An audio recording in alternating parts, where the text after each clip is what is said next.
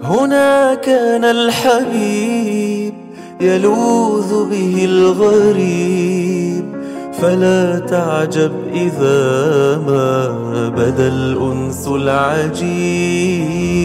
هنا جود وطيب ونور لا يغيب ويا دنيا اسمعيني هنا كان الحبيب.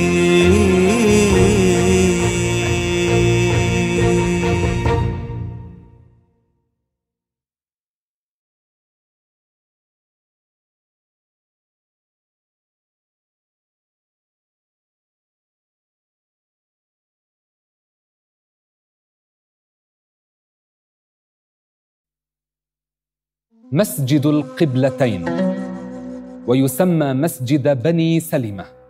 هو مسجد في المدينة المنورة. صلى فيه رسول الله صلى الله عليه وسلم إلى القبلتين إلى بيت المقدس وإلى الكعبة الشريفة. فما قصة هذا المسجد؟ كان النبي عليه الصلاة والسلام في مكة المكرمة أمر أن يستقبل بيت المقدس أي المسجد الأقصى في فلسطين. هذا أمر الله وكان النبي عليه الصلاة والسلام يمتثل أمر الله ويطيعه فيما أمر. ولكن كان رسول الله صلى الله عليه وسلم معلق القلب بالكعبة الشريفة فكان يحب استقبال الكعبة. وكان يتيسر للنبي عليه الصلاة والسلام أن يستقبل القبلتين يعني يستقبل بيت المقدس ويستقبل الكعبة المشرفة. فإن الكعبة لها أربع زوايا. ركنان من جهة الشمال من جهة الشام ركنان شاميان وركنان جنوبيان من جهة اليمن ركنان يمنيان. كان النبي عليه الصلاة والسلام يقف بين الركنين اليمنيين وبذلك يستقبل الكعبة ويستقبل بيت المقدس. ولما أمر نبينا عليه الصلاة والسلام بالهجرة من مكة إلى المدينة المشرفة كان يستقبل بيت المقدس. استقبل بيت المقدس ستة عشر شهرا أو سبعة عشر. ولما سكن المدينة لم يعد في وسع النبي عليه الصلاة والسلام أن يستقبل القبلتين. وذلك لأن المدينة بين مكة والشام. بين مكة وبيت المقدس. فإما أن يستقبل بيت المقدس وإما أن يستقبل الكعبة المشرفة. كان رسول الله صلى الله عليه وسلم يمتثل أمر الله يطيع الله فكان يتوجه إلى بيت المقدس. لكنه كان يكثر من الدعاء أن يتوجه نحو الكعبة الشريفة.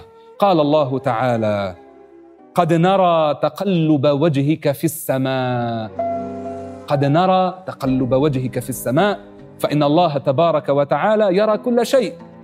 الله تعالى يرى كل شيء برؤيته الأزلية الأبدية التي ليست بحدقة جارحة. الله يرى كل شيء ولا يخفى عليه شيء يعلم كل ما يكون بعلمه الأزلي الأبدي. لكن هناك بعض الأحكام تنزل لمدة معينة ثم ترفع أي تنسخ وينزل حكم جديد. وهذا لا يعني أن الله تبارك وتعالى ظهر له ما كان خافيا عليه. فإن هذا لحكمة يعلمها الله تبارك وتعالى. فإن المريض قد يذهب إلى طبيب فيصف له الطبيب دواء لمدة. ويكون في علم الطبيب أنه بعد مدة سيغير له هذا الدواء. فالله تبارك وتعالى لحكمة يعلمها.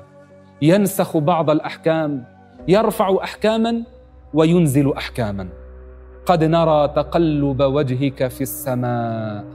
كان نبينا عليه الصلاة والسلام يدعو الله تبارك وتعالى ويقلب وجهه في السماء لأنها قبلة الدعاء لا لأن الله يسكنها. فالسماء قبلة الداعين والكعبة قبلة المصلين. وحبيبي رسول الله صلى الله عليه وسلم قبلة السالكين. النبي عليه الصلاة والسلام كان يقلب وجهه في السماء قال تعالى فلنولينك قبلة ترضاها ستعطى يا محمد قبلة تحبها.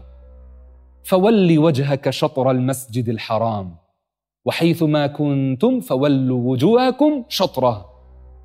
أمر النبي عليه الصلاة والسلام أن يستقبل الكعبة الشريفة.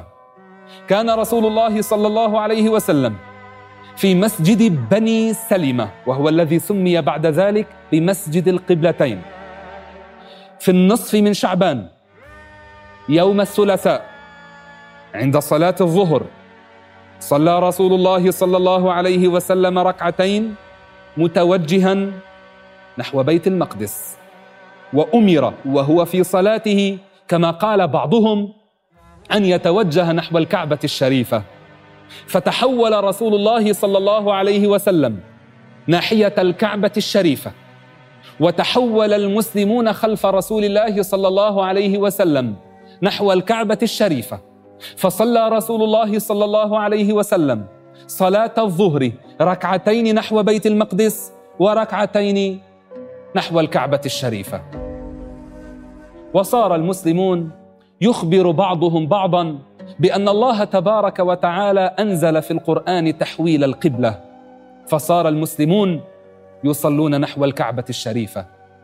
ومن لطيف ما يذكر أن مسجد قباء وهو مسجد قديم صلى فيه رسول الله صلى الله عليه وسلم وهو المسجد الذي أسس على التقوى. كما قيل جاء وافد من عند النبي عليه الصلاة والسلام يخبرهم بأن القبلة قد تحولت وكان الخبر قد وصلهم عند صلاة الفجر.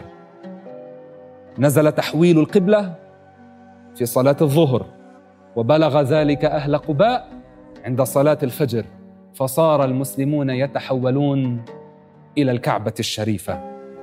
وأما ما يقال من أن بيت المقدس هو أولى القبلتين فليس ذلك دقيقا.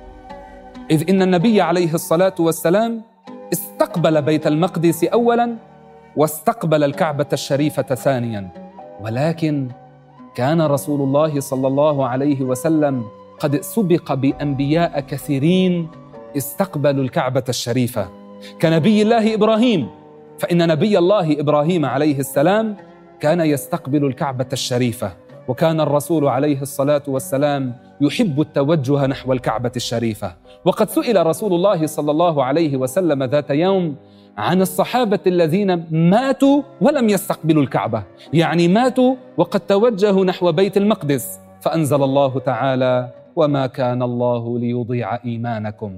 يعني ما ضاع عملهم بل كان عملهم مقبولا وذلك لأنهم أطاعوا الله تبارك وتعالى فيما أمر. وكان تحويل القبلة امتحانا واختبارا. يظهر من يطيع الله تبارك وتعالى ومن يعصي الله تبارك وتعالى ولا يطيعه.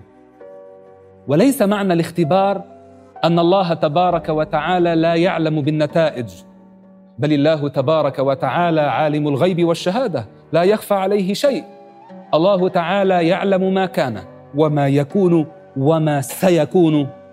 ويعلم الله تعالى ما لا يكون. أن لو كان كيف كان يكون؟ فالله تعالى يعلم الصالح ويعلم الطالح.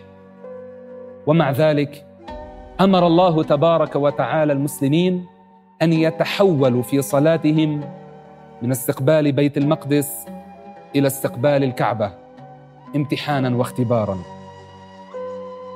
وأما قوله تعالى فأينما تولوا فثم وجه الله. فليس معناه أن الله تبارك وتعالى يكون قبالتنا. فالله تعالى لا يحل في الأماكن.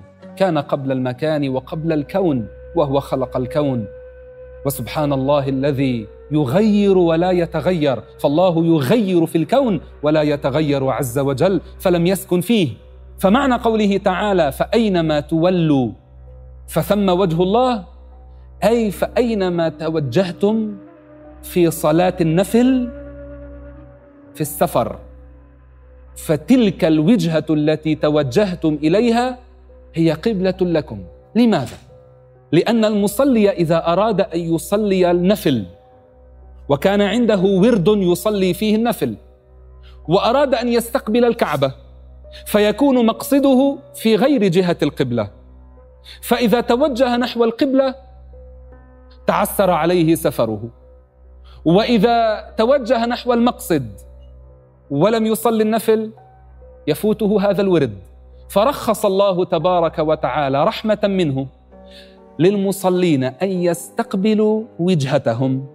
يعني يستقبل الوجهة التي يتوجه إليها في سفره في صلاة النفل لا في صلاة الفرض على الدابة. فصاروا يتوجهون إلى مقصدهم وهذا معنى قوله تعالى فأينما تولوا فثم وجه الله. أي فتلك القبلة التي توجهتم إليها هي قبلة لكم. فوجه الله أي قبلة الله. في مسجد بني سلمة في مسجد القبلتين صلى رسول الله صلى الله عليه وسلم إلى القبلتين هناك كان رسول الله.